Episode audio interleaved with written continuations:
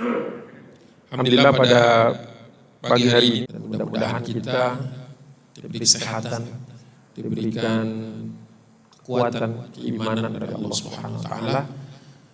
Dan pagi ini kita juga merenungkan kembali berbagai peristiwa di belahan dunia yang bisa punya dampak secara langsung maupun tidak kepada kita di Indonesia.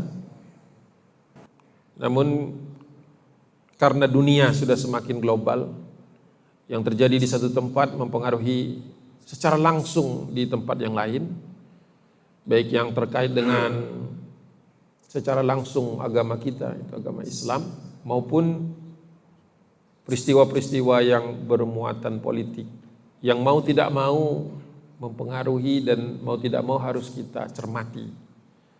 Tentu bukan pekerjaan utama kita mencermati fenomena politik, karena itu akan menghabiskan energi. Tapi perlu kita tahu benang-benang merahnya sehingga kita bisa mensikapinya, menyikapinya secara bijaksana. Itu tujuan kita. Paling tidak yang ditugaskan ke saya oleh DKM untuk mengupas negara-negara muslim ini, negara-negara kaum muslimin satu persatu. Kita sudah Afgan, kemudian Turki, kemudian Qatar, um, Suriah, ya. Sekarang Saudi ini pertemuan kedua. Kita ingin melihat apa yang terjadi di negeri-negeri tersebut sehingga bisa kita ambil hikmahnya, pelajarannya agar yang bagus bisa kita ulang di negeri kita di rekayasa dan yang buruk bisa kita antisipasi. Kalau stop kayaknya berat. Ya, berat. Nanti kita akan lihat contohnya di sini betapa beratnya itu. Paling tidak skala mikro kita menyiapkan keluarga ku anfusakum wa ahlikum naro wa quduhan nas wal hijaro menyiapkan keluarga agar kita tidak dilindas zaman. Dan kemudian sebagai kepala keluarga Ar-rijalu qawwamun 'alan nisa, kita punya tanggung jawab agar rumah tangga kita, istri terutama karena dari istri ini nanti turun ke anak. Lalu dia kompak, Pak, sehingga anak-anak sekarang kan nanyanya, masya Allah ya, nanya tentang peristiwa-peristiwa yang kalau kita nggak ngikutin, kita nggak bisa jawab. Dan bukan sekedar menjawab pertanyaan, tapi juga mengarahkan. Gini loh nak, kalau bersikap. Nah, saya ada yang bertanya gitu, memang nggak boleh nyopir ya perempuan di Saudi. Pertanyaan sederhana. Karena kita sering di Indonesia kan kita lihat perempuan menyupir itu mengemudikan kendaraan biasa-biasa saja. Di sana ternyata nanti kita bahas baru boleh. Itu dampaknya bagaimana? Bagaimana menjelaskannya? Kenapa dilarang? Kenapa sekarang tidak dilarang lagi? Apa yang perlu kita cermati dan seterusnya? Kira-kira itu sampelnya. Jadi bagi yang mungkin tidak ikut pengajian kita di bulan Desember yang lalu, Sangat disarankan melihatnya dari awal supaya sistematis. Jadi tidak nanti debat kusir tentang sebuah peristiwa. Jadi dengan asumsi bahwa yang hadir di sini ikut Desember yang lalu, maka saya mulai langsung nambah bahan aja. Jadi nggak review yang kemarin karena waktu kita terbatas. Jadi yang pertama, uh, startnya dari mana? Dari tadinya saya mau mundur 1970, 1980, tapi nanti kepanjangan. Cukuplah kita mengetahui bahwa tahun 70-an ini terjadi oil boom. Negara-negara Teluk dan Saudi terutama mendapatkan berkah yang banyak dari meningkatnya harga minyak bumi. Sehingga kayanya luar biasa. Makanya banyak orang Indonesia sudah dari tahun 70-an bermukim di sana, bekerja di sana. Ya. Dan banyak duitnya, serius. Banyak duitnya. Yang kerja di Aramco dulu awal-awal, banyak duitnya. Jadi memang bukan main-main. Tetapi kita tahu bahwa harta itu bisa jadi berkah, bisa jadi fitnah. Di mana pun, bukan hanya di Indonesia. Di mana pun, sekalipun di kerajaan Arab Saudi yang notabene masjid Masjidul Haram dan Masjidul Nabawi ada di sana. Tapi itu hanya dua kota. Saudi itu kotanya banyak. Banyak. Dan ibu kotanya bukan di Mekah. Ibu kotanya di Riyadh. Kota besarnya Jeddah. Mekah dan Madinah kota religius. Kota dagang juga tapi religius. Begitu. Nah kita lihat bagaimana ini semua ber... Tentu sebagaimana kajian sebelumnya berbagai raja raja itu sudah saya bahas. Ya, ada Raja Faisal yang sangat berbeda. Nah, kita hari ini membahas sedikit Raja Fat, tapi sedikit sekali. Kemudian Raja Abdullah, baru kemudian Raja Salman. Baru kita bahas anaknya Muhammad bin Salman, MBS. Singkatannya secara populer di Timur Tengah. Syarqil Ausat. Jadi kalau dulu ada pandangan bahwa oh ini Saudi berubah total ini sejak Muhammad bin Salman. Keliru. Bahkan sejak zaman Raja Abdullah sudah ada jejak-jejak perubahan. Kultural, politik, dan seterusnya. Ya. Tapi sebelum kita masuk ke event pertama tahun 2004 itu, saya ingin mengangkat bahwa di bulan Ramadan tahun 2021, Ramadan pertama setelah COVID dinyatakan teratasi. Teratasi itu Muhammad bin Salman di acara televisi yang disiarkan oleh pemerintah. Di sana masih ada siaran-siaran pemerintah gitu ya. Di bulan Ramadan tahun 2021 itu menjelaskan kenapa ada perubahan. Bahkan menyebutkan bahwa Saudi tidak lagi atau berpisah dengan sisa-sisa ajaran Muhammad bin Abdul Wahab secara terbuka. Jadi bukan isu gitu, bukan isu itu Ustadz mah isu. Ya, bisa kita cek kembali. Bahkan kemudian ini menjadi geger karena Amerika dan Eropa saja yang menganggap Saudi sudah mulai sekuler kaget dengan statement dari sang pangeran. Ini kan pangeran yang masuk urutan pertama pengganti raja kalau-kalau Raja Salman meninggal dunia melepaskan diri dari ajaran Wahabi. Kata dia ini menghambat kemajuan Saudi. Spesifik ngomongnya itu. Nah itu bagaimana asal usulnya kita mau lihat. Tahun 2004, ini kan tiga tahun setelah peristiwa 9-11. 9-11 itu 2001 loh, belum terlalu jauh. 2001. Ya. Saya masih sekolah di Amerika 2001.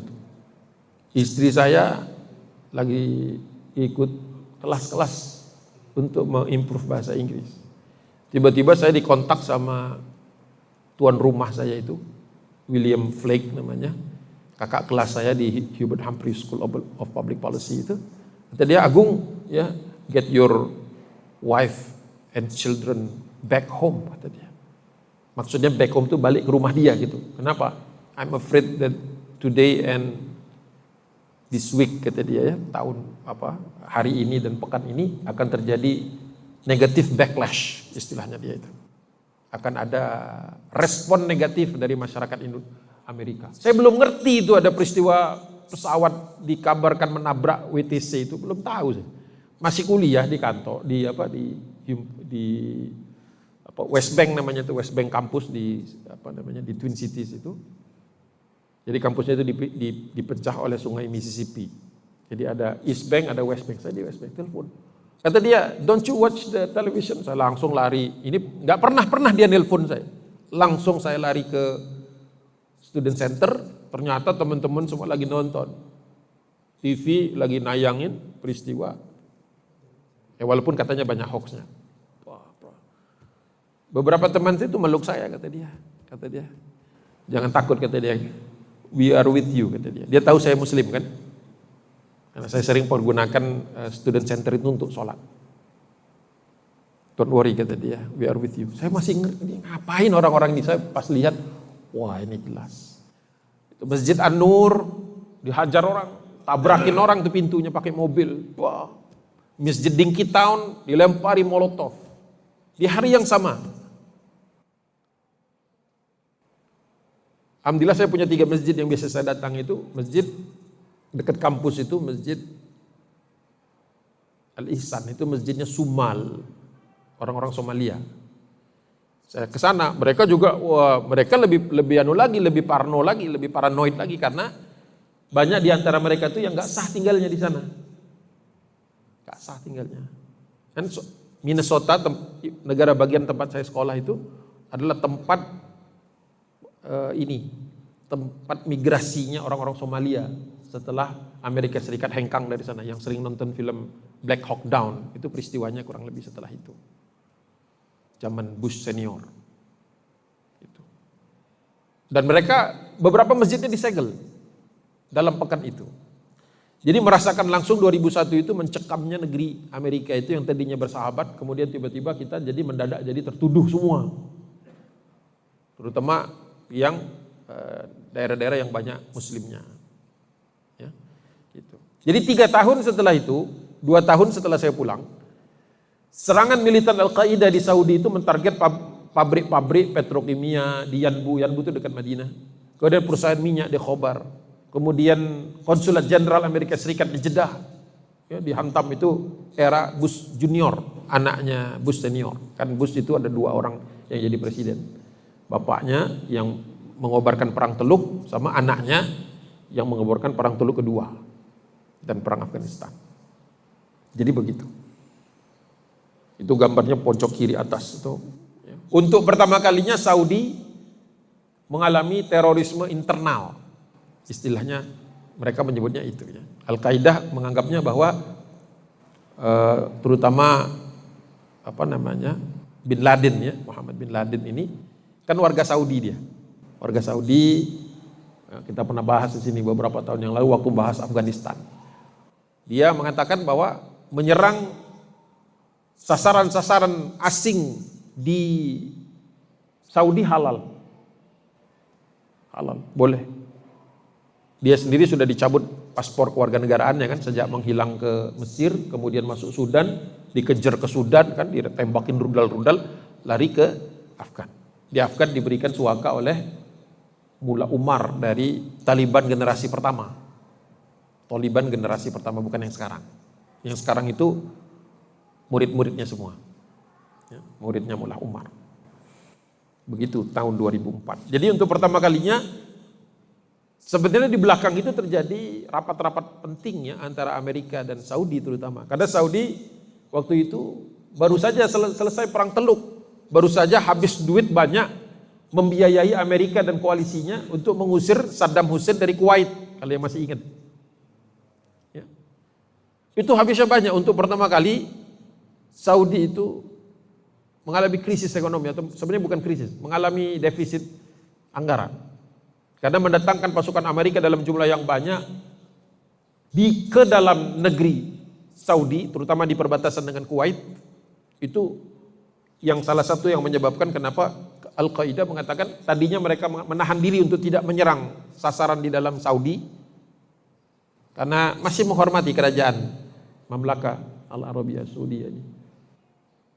Tapi karena ibaratnya sudah mengundang lawan, membawa pasukan kafir istilahnya, pandangan itu ke tanah Saudi, maka berarti raja ini dianggap sudah sekongkol dengan lawan, maka boleh ditarget.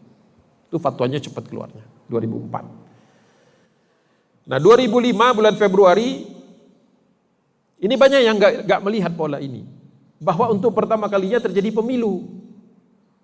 Jadi dari tahun 1926 itu kan pertama kalinya kerajaan Saudi itu berdiri.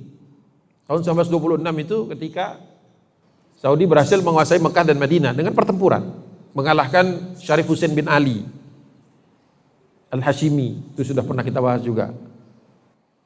Dari tahun 1926 sampai 2005 itu nggak ada pemilu di sana.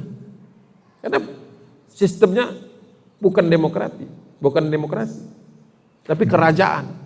Kerajaan ini berarti ngikutin dari sejak yang pertama kali bikin kerajaan kan Bani Umayyah. Kemudian Bani Abbasiyah dan seterusnya dan seterusnya. Sampai Turki juga, Turki Utsmani juga kerajaan. Jadi untuk pertama kalinya di tahun 2005 di bulan Februari sudah ada pemilihan kalau kita ini mungkin pemerintahan kota lah, DPRD. DPRD, municipal. Ya. Namun waktu itu orang masih malu-malu. Karena memperkenalkan kepada rakyat itu bahwa mereka boleh milih itu butuh perubahan paradigma. Yang tadinya terima jadi kan, oh udah. Terima jadi. Gak terfikirkan bahwa oh boleh maju, oh boleh apa istilahnya kalau pemilu itu eh, kampanye, ya, gitu. walaupun belum ada yang kampanye, tapi sudah ada pemilihan umum. Jadi kalau mau dikatakan bahwa Saudi tidak mengenal demokrasi, keliru juga. Dari tahun 2005 sudah ada, walaupun masih terbatas. Dan perempuan belum punya hak memilih. Nanti butuh waktu lagi. Butuh Muhammad bin Salman nanti. Jadi sudah ada pemilu, sudah ada. Ya memang tidak mempengaruhi siapa yang jadi raja. Karena raja nggak bisa dipilih kan. Dinasti. Bapak ke anak, anak ke, an ke cucu.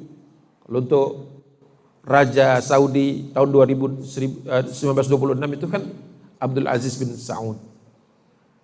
Mari kita sudah bahas. Anaknya banyak. Ganti-gantian aja anak itu dari yang paling senior sampai yang paling junior sekarang ini Muhammad bin Salman, uh, Salman bin Abdul Aziz As-Saud. 2005 bulan Agustus Raja Abdullah naik tahta setelah Raja Fat meninggal dunia. Raja Fat ini yang mengurusi Saudi ketika perang Teluk. Jadi memang sekularisasi itu sudah mulai menghantam. Beliau sendiri terkenal orang yang tegas, tetapi masa berubah. Watilkal ayamu nudawiluha bainan nas. Bahwa kejadian di muka bumi ini Allah sudah pergilirkan supaya manusia merasakannya semua. Bisa kadang-kadang di atas, kadang-kadang di bawah, kadang-kadang di tengah, kadang-kadang lagi naik, kadang-kadang lagi turun, kadang-kadang lagi terprosok, kadang-kadang di puncak, kadang-kadang mulai turun. Begitulah terus. Ayam disebutnya kan, hari demi hari. Hari-hari jamak dari yaum. 2006 bulan Januari peristiwa yang mungkin kalau hajinya 2006 363 jemaah haji wafat ketika jumroh. Mungkin masih ada yang ingat ya. Terus waktu itu Masjidil Haram lagi di konstruk apa lagi diperbaiki, banyak krin-krin itu apa namanya? Yang kalau mau bangun gedung tinggi itu kan biasanya ada krin tuh yang naik turun tuh yang bisa uh, ngangkut barangnya tuh ke atas ke atas kasar itu. Itu sempat jatuh, mungkin masih ingat ya, jatuh 2006 menimpa jamaah haji. 70-an orang meninggal, luka-luka. Semuanya dapat pesangon. Ada orang Indonesia kata nggak salah tiga atau empat orang dapat pesangon besar. Tapi apalah duit dibandingkan andai tolan yang meninggal. Ya, tapi syahid katanya karena sedang berhaji 2006. Itu slide pertama. Slide kedua. 2008 bulan Juli, kepolisian agama Saudi, Ar-Ru'asa Al-Hay'ah Al-Ammah Al-Hay'atu Al-Amri Bil Ma'rufi Wan Nahyi Anil Munkar. Kalau diterjemahkan, Direktorat Umum Kepolisian Agama, yaitu yang menyuruh kepada ma'ruf dan melarang yang mungkar. Panjang itu. Di logonya itu melingkar dia. Ya, ada gambar kitab terbuka bendera Saudi, eh, apa negeri negeri Saudi dan kemudian ada eh, layar. Saya nggak tahu filsafatnya apa. Oh, latar belakangnya hijau. Tapi di lapangan yang dipakai di tentara-tentaranya itu polisi-polisi yang keliling. Beda dengan polisi yang biasa ini, polisi kemungkaran. Jadi kalau ada yang kemung itu yang nangkepin orang, nangkepin orang. Kalau di Aceh itu mirip polisi syariah. Pernah dengar ya? Ada, nggak tahu masih ada apa enggak. Sempat ada protes karena nangkepin orang di pantai-pantai yang pakaiannya tidak menutup aurat. Di Aceh ada. Tidak tahu sekarang bagaimana. Sudah lama tidak dengar. Seperti itu. Kurang lebih seperti itu. Jadi yang menegakkan syariat di lapangan. Gitu. Nah, kalau di apa namanya di logonya itu digambarkan mata Makanya sempat mengundang cercaan. Kok mata? Satu pula. Nah, kesannya dajjal. Padahal konsep dasar intelijen itu melihat dengan dengan sebelah mata. Karena kalau dua-dua mata ke sana itu bukan intel namanya. Melotot. Kalau intel itu kan ngadep ke depan tapi nah tuh bapak itu kelihatan tuh lagi tidur misalnya, misalnya. Cukup dengan mata satu nggak perlu dua-duanya. Itu kerja Intel. Jadi memang dinas-dinas intelijen dunia itu rata-rata menggunakan mata satu. Jangan dicocok-cocokin bahwa ini pas dajjal ini, jangan. Memang dajjal muncul tapi matanya memang cuma satu. Konsep intelijen cukup satu mata, gitu loh, ngerti nggak bedanya? Ya. Itu saya bacanya di bukunya Hendro Priyono. Dia kan prof, satu-satunya profesor guru besar intelijen di Indonesia. Gak tahu sudah ada belum. Ada filsafat intelijen, bukunya biru, mata juga di depannya. Baca. Nambah ilmu, nama pengetahuan itu bagus. Tidak perlu kita terseret-seret. Jadi ketika membaca, ya pakai panduan. Ya. Jangan semua yang mata satu didajalkan. Kasihan nanti ada orang baru pulang dari rumah sakit Aini kan. Matanya rata-rata keluar dajal, keluar dajal repot. Memang itu salah satu tandanya, tapi matanya satunya di sini di tengah, bukan satu ditutup. Bukan satu ditutup. Ya, begitu. Nah, kepolisian agama, saya sebutnya kepolisian agama kalau dibaca semuanya ru'asa al-amah, hay'ah al-amri bil ma'rufi wan nahyi anil munkar kepanjangan. Polisi agama saja.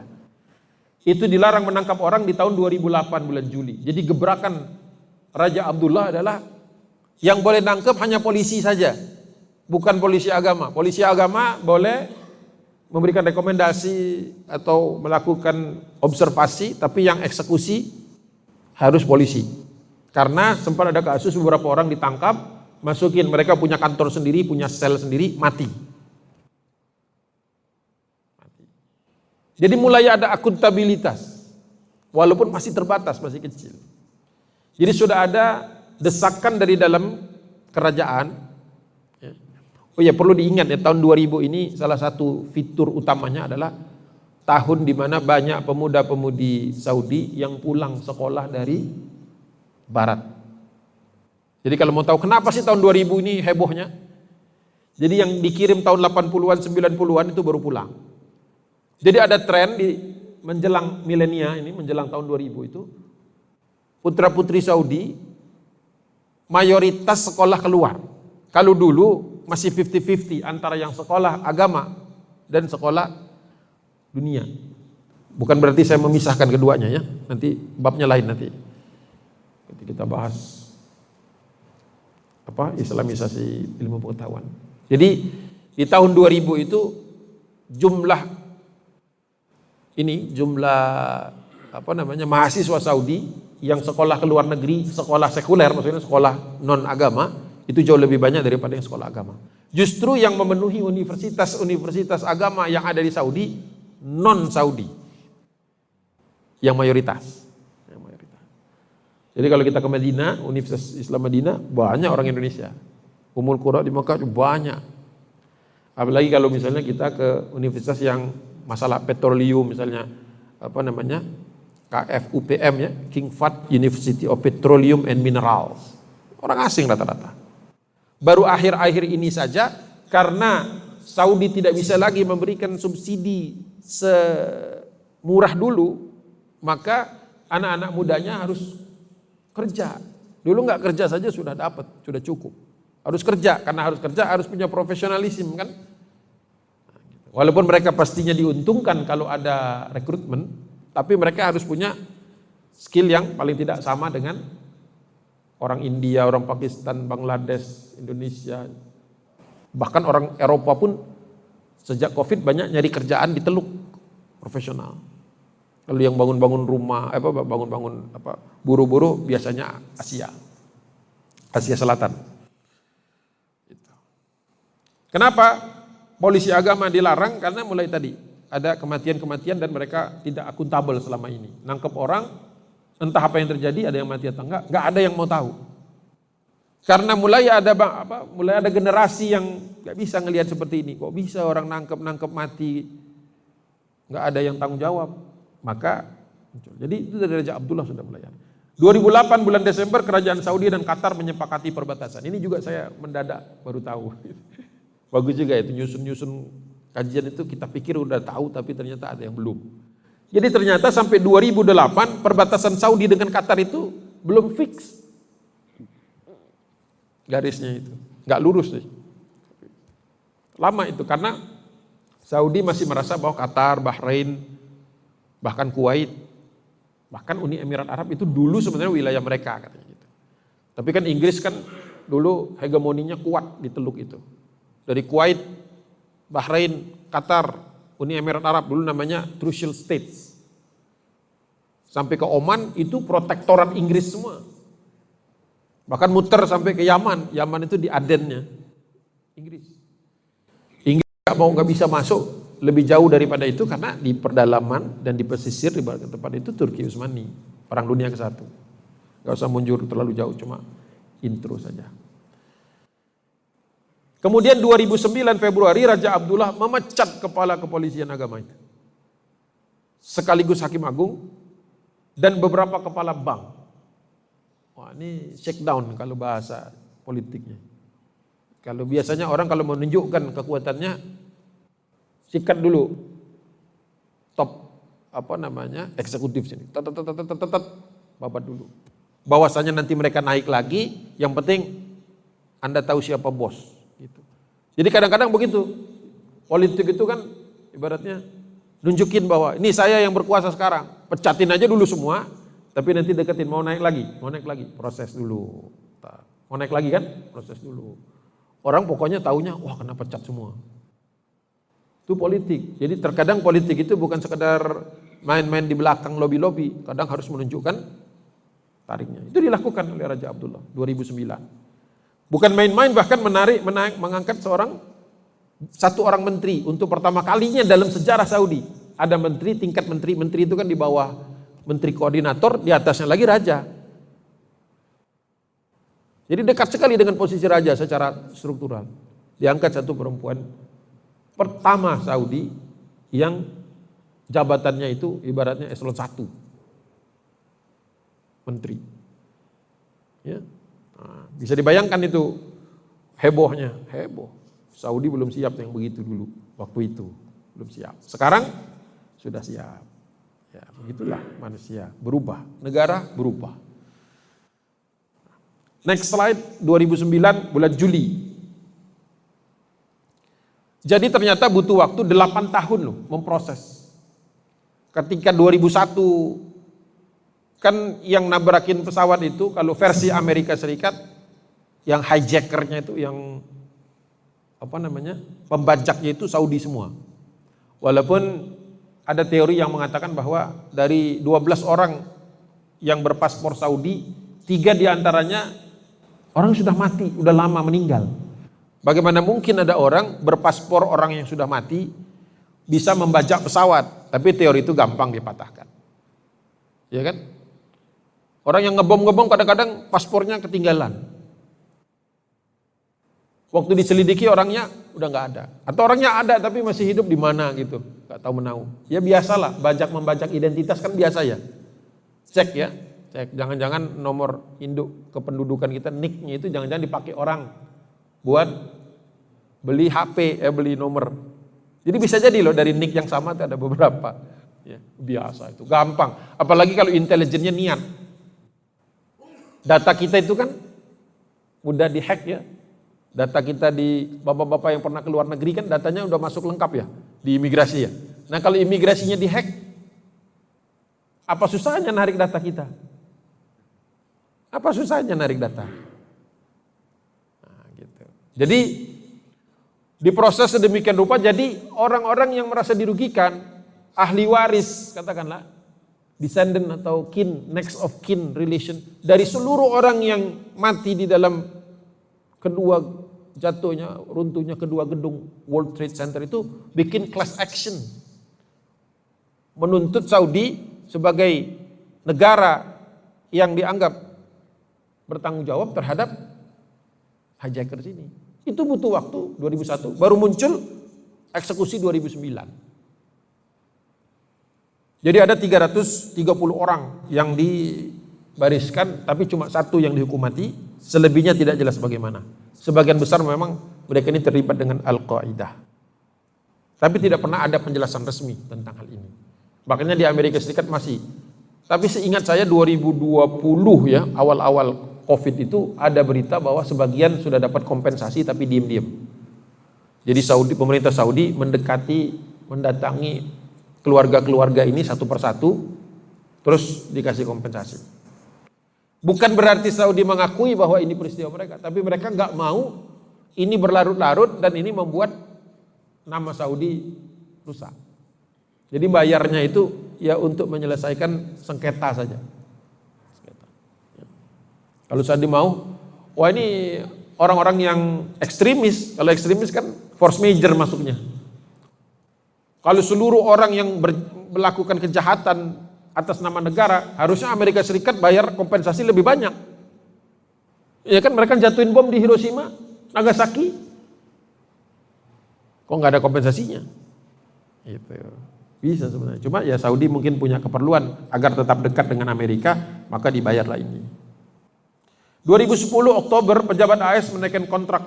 Satu tahun setelah itu ada kontrak keamanan apa eh, kontrak pengadaan persenjataan.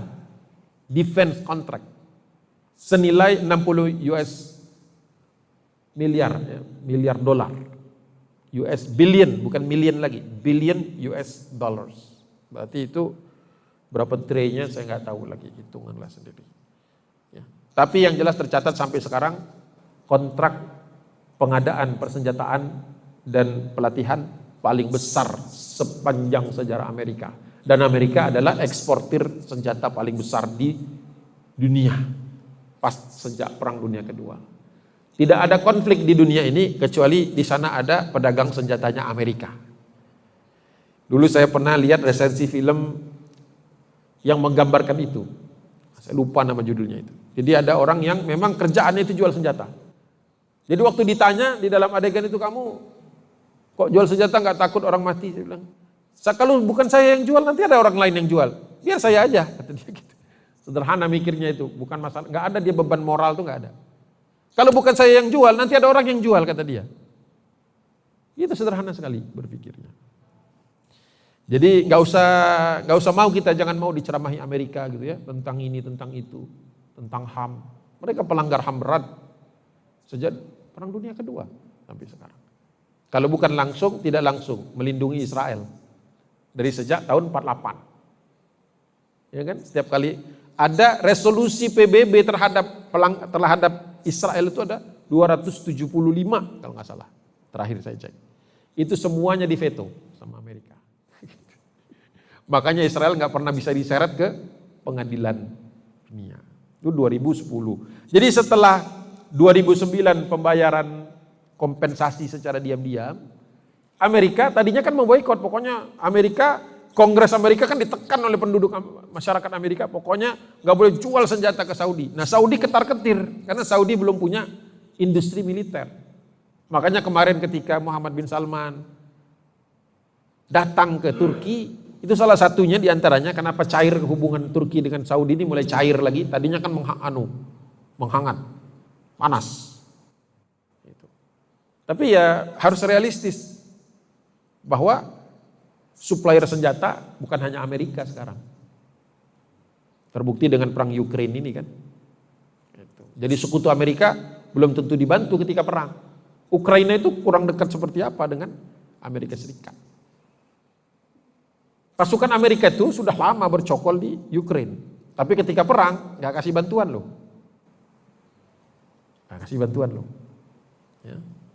Nggak kasih bantuan. Saya pernah ceritakan, karena saya pernah ke Kiev, pernah ke Minsk kan, tahun 2008-2007. Di hotel yang sama dengan pelatihan kami itu, lagi apa namanya breakfast itu tentara Amerika pakai baju seragam makan di situ. Ya kedengeran lah logat-logat Amerika itu kan Inggrisnya saya sensitif. Oh ini dari Texas ini yang ngomongnya begini. Oh ini orang New York yang ngomongnya agak panjang gitu kalau ngomong. Di hotel terbesar di ibu kotanya. Ya, Minsk tadi keliru. Minsk itu ibu kota Belarus. Ya, Kiev dan Lviv. Lviv dulu namanya Lvov. Lviv. Jadi tidak selalu jadi sekutu Amerika Serikat kalau perang pasti dibantuin nggak selalu. Jadi realistis orang berpikir, wah ini berarti Amerika Serikat ini memang, ya memang benar, mereka cuma jual senjata kok. Yuk bisa bayar kita kasih. Kecuali tadi ada tekanan politik. Makanya 2009 dibayar dulu kompensasinya diam-diam. 2010 dapat deal kontrak. Ya. Kontrak. Presidennya siapa? Yang pernah sekolah di Indonesia. Ya, Barack Obama. Barack Obama. Jadi kelihatannya orang apa orang eh, ini ya kayaknya orang yang baik gitu ya dari ngomongnya gitu. Wah itu di depannya dia pinter banget, bagus banget kita kayak bahkan sempat saya lihat ada kajian bahwa Obama ini bapaknya Muslim macam-macam dalam banget gitu ya. Ya kalau sudah jadi presiden Amerika Serikat apa pun orangnya hasilnya sama. Tidak bisa jadi jadi jadi presiden Amerika Serikat itu harus memenuhi empat kriteria. W A S P. White ini sudah mulai tidak harus white. Anglo keturunan Amerika Inggris, ada darah Inggrisnya. White, Anglo, Saxon, ya, Saxon ke Perancis Perancisan dikit masih boleh. P-nya Protestan. WASP. Gitu. Ada aturan mainnya tuh. Gak bisa ujuk-ujuk jadi presiden apa Amerika Serikat. Ada aturan mainnya. Walaupun agak kabur. Ada lobby-lobbynya. Gak bisa. Sama mau jadi presiden Indonesia harus orang Jawa. Gak bisa. Jadi kayak namanya Agung Waspodo ada kemungkinan. Ada O-nya di belakangnya. Gitu. Saya padahal nggak mungkin. Ya, sampai di sini. 2011 bulan Maret pasukan militer Saudi ikut dalam sebuah operasi. Ini foto dua yang sebelah kanan. Jadi Bahrain itu sangat tergantung kepada Saudi untuk semua hal, walaupun dia kaya. Cuma pulau sebenarnya, tapi ngiri dengan Qatar. Dan Bahrain ini apa, populasi Syiahnya tinggi, besar. Mungkin mendekati 40 persen. Jadi ketika mereka menuntut reformasi, menuntut kesetaraan, itu Bahrain minta bantuan Saudi. Nah turunlah pasukan Saudi untuk pertama kalinya keluar dari negerinya. Turun ke Bahrain. Itu ketika menangkapi demonstran itu dengan cara-cara yang ketika diamati gitu ya, diamati cara. Cara itu kan nggak bisa ngasal ya. Semua pasukan tentara di dunia ini pasti ada polanya. Termasuk kepolisian yang ngatur misalnya tentang uh, kamtib gitu. Ada caranya. Dan ada sekolahnya, itu bukan nggak pakai sekolah, ada sekolahnya. Ada konsultan yang didatangkan. Dan itu bisa dilihat kalau yang matanya terlatih bisa dilihat. Oh ini menerapkan strategi ini, pasti dilatih sama si Anu atau lembaganya ini. Itu bisa dilihat. Jadi bukan ngacak gitu. Oh turun gebukin, enggak. Ada tekniknya, ada ininya. Nah ketika turun di Bahrain itu pola yang di, di, dilakukan itu nggak bisa. Jadi orang tuh kalau sudah di training itu ya pasti polanya ngikut. Kita aja di training baris berbaris saja kan langsung oh begini gini gini gitu kan. Padahal cuma dilatih cuma sehari. Gimana yang di training berhari-hari dengan doktrin yang kuat dan militer. Semi militer lah kalau polisi, tapi militer. Itu pola pola penanganan demonstran itu pola khas Mossad. Semua orang kalau yang cuma lihat foto-fotonya, oh keramaian, digebukin. Gitu. Tapi kalau yang tahu pengamat militer, pengamat militer tahu, oh ini berarti Saudi di training entah di mana trainingnya. Oh polanya begini ya, ini pola khas Amerika misalnya atau Inggris kelihatan. Walaupun ada kesamaan, ada beberapa hal kesamaan. Jadi ya suka anda suka, anda suka anda suka, saya juga suka nggak suka. Ini saya ceritain aja. Kalau ditanya di dalam hati saya sedih sebenarnya. Negeri yang menjadi khadimul haramain sejak tahun 86 ya menjadi apa namanya pelayan dua tanah suci tapi saya juga berpikir realistis juga mungkin Saudi. Dia, dia mau belajar sama siapa lagi? Belajar sama siapa dia? Di negeri kaum muslimin yang skala masalahnya sebesar Saudi. Paling Mesir. Mesir juga belajarnya ke situ juga. Ke situ tadi. Siapa lagi nanya, bertanya, belajarnya? Sama Turki waktu itu masih gengsi. Saya tanya negara mana Muslim yang bisa dipelajari sama Saudi dengan masalah yang mereka hadapi. Tetangga-tetangga yang nggak semuanya bersahabat. Ada Iran pula di depan hidungnya. Iran dengan Saudi itu kan cuma lihat-lihatan aja di seberang teluk itu kan. Saudi punya kilang minyak di Dahran. Iran punya kilang minyak di Bandar Abbas. Roketnya udah ini istilahnya tinggal Makanya Amerika Serikat punya armada di situ. Sebenarnya bukan melindungi Saudi, supaya dua ini nggak berantem. Karena kalau berantem dia pasti harus turun. Mondar mandir di situ sebenarnya. Kata orang, oh ini melindungi Saudi. Enggak, melindungi supaya enggak ribut. Kenapa? Makin lama mereka tegang, butuh senjata kan? Apa Amerika nggak jual ke Iran? Siapa bilang? Jangan bodoh-bodoh banget lah. Dibagi-bagi bodohnya. Jangan diambil sendirian. Ya.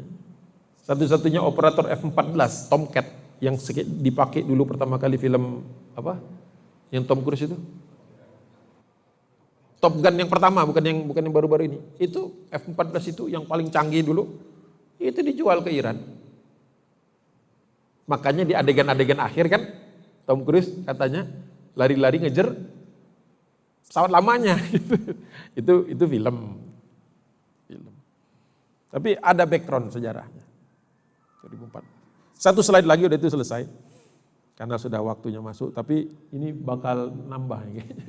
Ada satu lagi, sayang kalau dilewat-lewat. Nah, next slide, 2011 September. Jadi 10 tahun setelah WTC.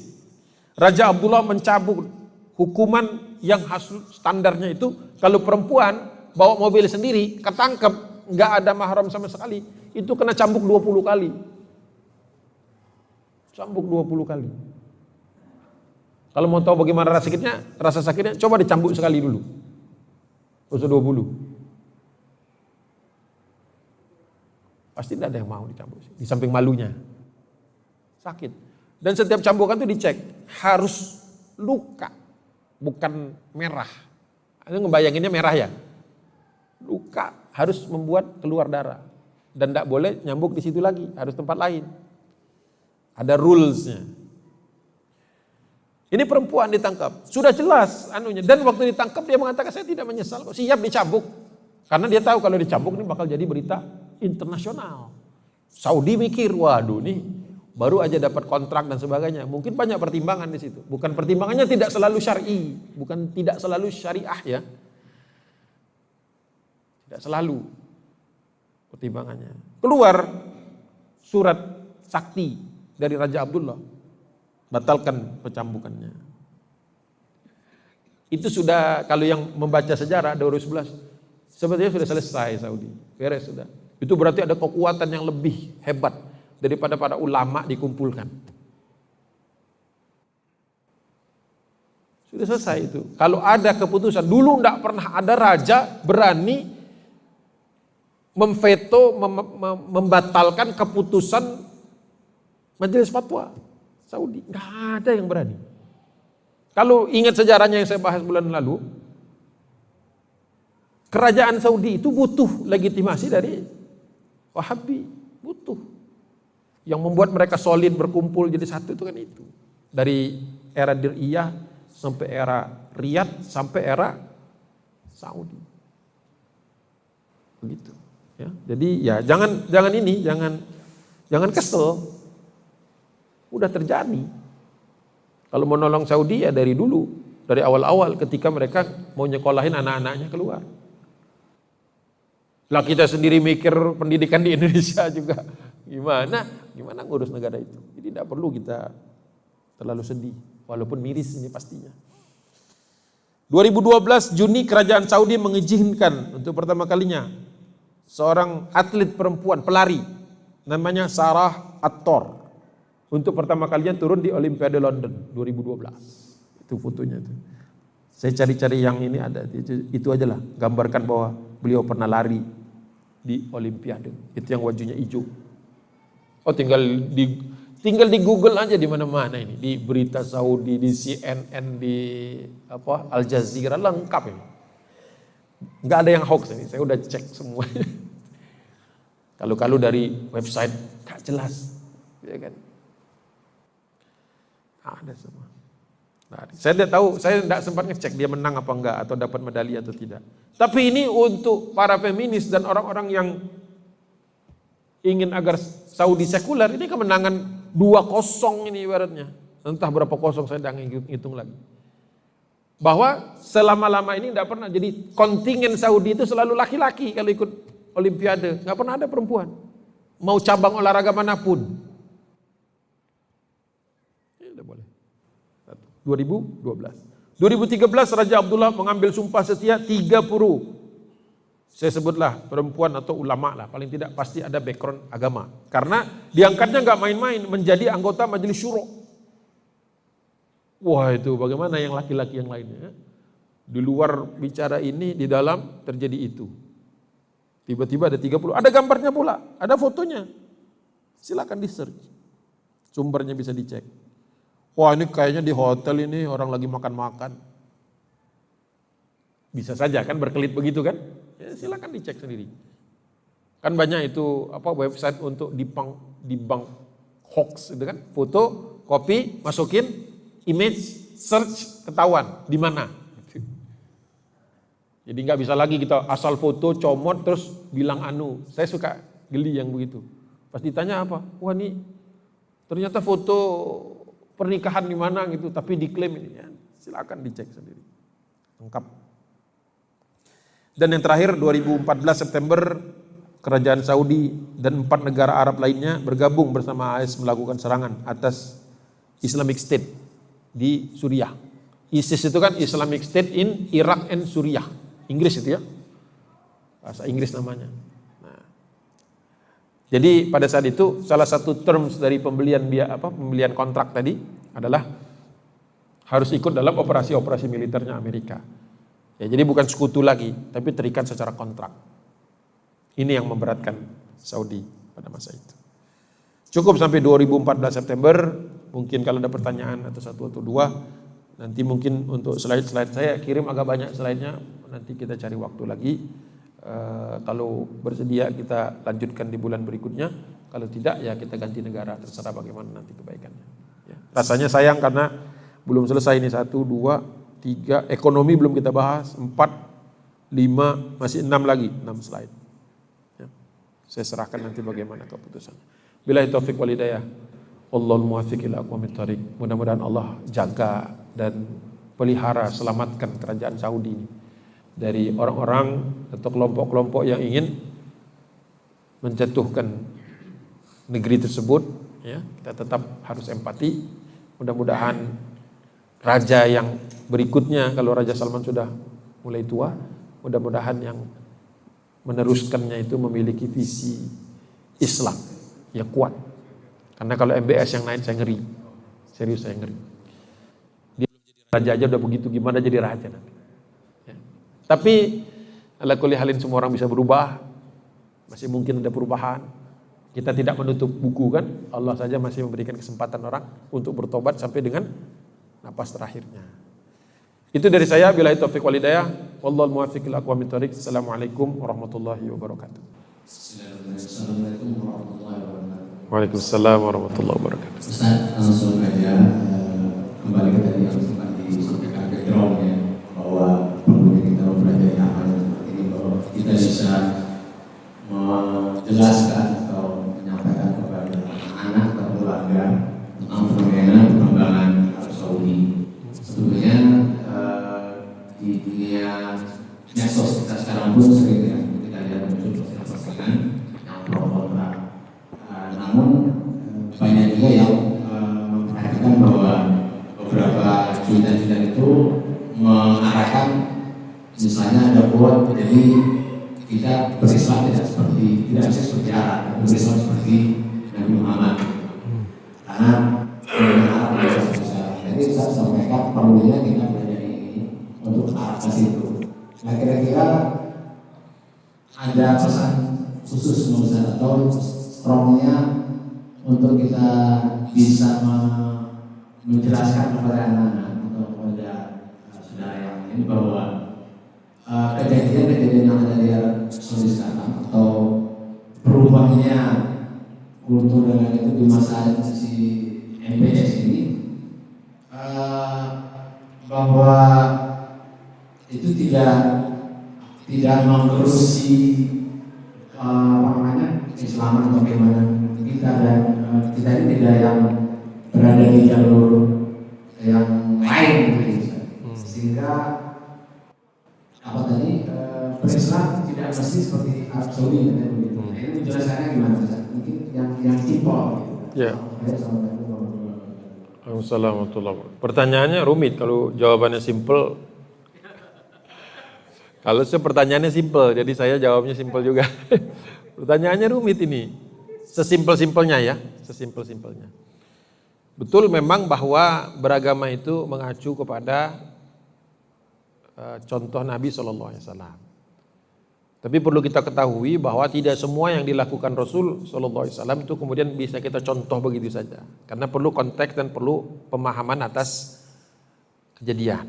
Misalnya contoh yang paling sering khilaf orang itu adalah kebiasaan Nabi meninggalkan sesuatu. Dalam bab syariah disebut at-tarku. At-tarku itu sesuatu yang ditinggalkan Nabi. Tarku, taroka. Rasulullah itu ketika meninggalkan sesuatu tidak mesti berarti itu jadinya batil gitu, haram. Rasulullah tidak selalu meninggalkan sesuatu itu karena haram. Ya. Contohnya Rasulullah pernah diundang di dalam satu acara di pedalaman, Rasulullah lagi dakwah. Diajak makan, ditolak sama Nabi. Karena yang dimakan itu dab, kadal gurun. Kadal gurun, pernah lihat nggak kadal gurun? Nah, ada yang videoin waktu itu orang Indonesia. Ini loh yang Rasulullah nggak mau makan. Sambil makan dia. Orang kan langsung terpancing kan, mana sih udah ditinggal Nabi kok masih dilahap juga nih. Nggak ngerti itibaur Rasul. Padahal nggak pernah baca hadisnya juga yang ngomong itu. Kata Nabi SAW, saya tinggalkan karena saya tidak suka itu. Dan Rasul tidak pernah bilang kamu berhenti makannya. Haram ini, nggak pernah Rasulullah ngomong. Cuma Rasulullah tidak, tidak selera. Kayak saya dibawa ke Surabaya, mohon maaf jangan tersinggung nih orang Jawa Timur. Ditawarin rujak cingur, saya tetap nggak suka. Tapi ya ndak haram gitu loh, kok jadi haram? Nggak haram, saya nggak suka. Sama sampean saya bawa makan apa namanya gudeg juga belum tentu suka kan, terlalu manis lah macam-macam. Iya kan? Kalau selera, jadi jangan maksa kalau selera. Itu Rasulullah sudah pernah lakukan. Kalau haram, Rasulullah bilang haram. Enggak, kata Nabi. Yang lain kan sambil makan kan? Tidak dilarang sama Nabi. Jadi tidak semua yang ditinggal Nabi haram. Ada yang haram, ada yang tidak. Ada yang karena ini, karena itu. Banyak, itu satu, satu kitab tentang at-tarku gitu. Bagaimana cara memahami hal-hal yang ditinggalkan Nabi. Apakah semuanya pasti haram? Tidak. Makanya itiba'ur rasul juga jangan main semuanya, main comot aja. Istri sembilan nanti, Loh katanya Nabi kan yang dilakukan Nabi. Itu dilakukan Nabi. Haram buat umat. Haram sembilan. Tidak ada fikih satupun yang membolehkan. Tidak ada. Jadi sederhana. Jadi hati-hati juga kalau ada orang yang mengatakan, wah pokoknya kita jangan ngikut Saudi lah. Memang benar jangan ngikut Saudi. Apalagi sekarang. Udah mulai aneh soalnya. Tapi jangan bablas juga, semua Arab jelek. Nah itu keliru juga. Muncul dari Arab ini kan para sahabat, khulafaur rasyidin. Banyak. Pukul rata Arab sama aja kayak pukul rata orang Indonesia, bejat semua. Mau mau nggak digituin? Nggak mau. Semua orang Indonesia ini pelayan, mau nggak digituin? Babu semua mau nggak digituin? Nggak mau kan? Nggak mau. Sama orang Arab jangan kita pukul rata semua. Ada Abu Jahal, Ya kan? Ada Abu Hurairah. Di Indonesia juga ada yang gitu-gitu. Jadi ya jangan jangan di, mau dipukul. Ya kalau orang Malaysia ngelihatnya kan banyak banyak kan orang Malaysia di orang Indonesia di Malaysia kan pembantu rumah tangga. Ya kan? Terpuji sebenarnya itu bukan sesuatu hal yang buruk kok. Itu. Tapi karena banyak kasus akhirnya jadi negatif. Tapi kita nggak mau kan dipukul rata bangsa babu mau nggak? Gak ada yang mau, yakin saya. Orang ke sana set resmi dan sebagainya. Ya dulu-dulu sempat ada yang itu. Jadi jadi jangan sampai ditarik ke titik ekstrim bahwa semua Arab ini sudah bobrok. Salah juga. Ya, penghafal Quran, ulama, masih banyak di sana. Bahkan mungkin lebih banyak daripada Indonesia. Di Indonesia juga, wah udahlah pokoknya kita Indonesia aja nih. Itu kan versi Indonesia lebih bagus. Ada tokoh yang ngomong itu dulu kan, langsung disikat sama Grand Azhar, Grand Sheikh Al Azhar, Ahmad Tayyib. Hati-hati kata dia ngomong begitu. Ditunjuk sama dia, hati-hati ngomong begitu. Ngomong Islam di Indonesia lebih bagus, itu berpotensi syirik. Jadi jangan ekstrim ya, jangan ekstrim gitu ya. Jangan semua Arab ditolak, terus semua yang Indonesia pasti bagus. Enggak juga, kita betul-betul seperti yang kalimat. Jadi kalimatnya sudah benar, ikuti Nabi. Tapi dengan kaidah fikih dan kaidah usul fikih yang benar. Jangan mencamat, comot, camat, comot. Itu, itu yang paling aman. Tidak tahu itu simpel apa enggak, mudah-mudahan simpel. Kenapa pertanyaannya sulit-sulit semua? Terus minta jawabannya simple. Canda pak, canda. Supaya nggak tegang. Ya saya, saya nggak tahu nggak punya datanya. Tapi husnuzon saya, masa iya ada orang nggak peduli dengan Palestina sih? Argumentasinya saya begitu. Kalau saya tanya, nggak ada. Nanti ada datanya, saya keliru. Terus saya bilang ada, ternyata nggak ada, saya keliru. Tapi husnuzon saya, husnuzon saya, Dulu saya punya bukan teman ya, karena dia sama-sama sekolah di Humphrey itu. Yahudi, orang Jewish gitu ya, yang ininya panjang. Kalau di hari-hari tertentu dia pakai, mohon maaf nih ya, peci-peci yang kecil-kecil itu, yang dari kain itu tempel di sini. Dia pernah ngomong saya benci sama Israel itu. Karena apa? Nindas Palestina. Yahudi, totok, benci, Israel karena masalah kemanusiaan. Dia tidak punya iman, nggak punya Islam di dalam dirinya. Jadi pemikiran saya ini sederhana saya, kalau orang seperti itu saja ter apa istilahnya hatinya tergerak, entah karena dia tahu saya lagi ngomong sama Muslim, mungkin saja dia lagi apa istilahnya bohong-bohong gitu ya. Nah. Tapi Ketika ada orang non muslim saja peduli untuk urusan Palestina, masa iya muslim nggak mikirin? Itu aja logika saya. Karena kalau ditanya ada datanya nggak, saya nggak punya datanya. Gimana saya ngeceknya? Ngeceknya. Gimana saya ngeceknya? Gitu. Jadi begitu saja. Jadi sederhana. Ya, apa pun realitanya nanti setelah dicek ternyata ada atau tidak ada itu tidak penting saat ini. Kalaupun dicek. Tapi yang penting adalah Palestina itu isu umat, bahkan jadi isu kemanusiaan. Non muslim aja perhatian. Ya, yang meninggal banyak loh, Nasrani, Yahudi. Di New York itu ada komunitas Yahudi, totok, ya bukan blasteran-blasteran, yang menentang kebijakan Israel. Dan itu signifikan. Kalau mau tahu, Google pernah ketemu dengan Ustadz Indonesia di New York. Di Indonesia, eh, Ustadz Indonesia itu terkenal, ada seorang namanya Ustadz Syamsi Ali. Itu punya Islamic Center lah, atau jadi imam di situ. Makanya kadang-kadang sebut Imam Syamsi Ali, gitu, ada tulis begitu. Itu beliau kan plus minus banyak lah, ya namanya manusia nggak ada yang sempurna ya. Tapi beliau termasuk di antara tokoh yang terkenal, recognize, dan itu sering ngumpul bareng orang-orang Yahudi yang pro Palestina. New York tahu ya, kota New York itu kan di beberapa tempat itu istilahnya kampung Yahudi lah, kampung Jewish. Kalau kita kan ada kampung Bali, kampung Makassar ya, ya kan, kampung Jawa ya, ada kan di Indonesia. Ah. Kampung Palembang belum dengar saya. Eh, Melayu ada, kampung Melayu. Nah di sana tuh ada kampung Yahudi ada. Walaupun tidak disebut. Yang populer tentu kampung Cina ya apa istilahnya Chinatown itu di mana-mana di kota-kota besar banyak. Nah Yahudi itu ada ngumpul. Ini orang-orang yang nyembelih makanannya dengan cara-cara yang mirip dengan Islam. Jadi nggak boleh sembarangan nyembelihnya.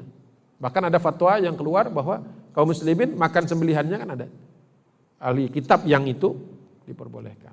Tapi kalau bisa memprioritaskan yang disembelih oleh umat Islam. Kalau nggak ada lagi, maka itu. Mereka saja benci, bukan benci menunjukkan ketidaksukaannya dengan kebijakan Israel karena kata mereka Israel tidak mencerminkan Yahudi seluruhnya. Gitu. Ya, jadi kalau orang seperti itu saja ada, masa ia Muslim nggak bisa melihat dalam perspektif itu. Apa pun mungkin perbedaan pandangan politik dengan Hamas, perbedaan pandangan politik dengan Palestine Authority yang dulu namanya Fatah gitu kan. Apa pun kita tidak ber, bersepakatan dalam hal pandangan politik, tapi tetap kita melihat yang kita bentuk adalah masyarakatnya yang tertindas, yang sulit air, sulit listrik dan sebagainya, itu yang kita bantu. Itu mungkin pandangan saya, wallahu alam.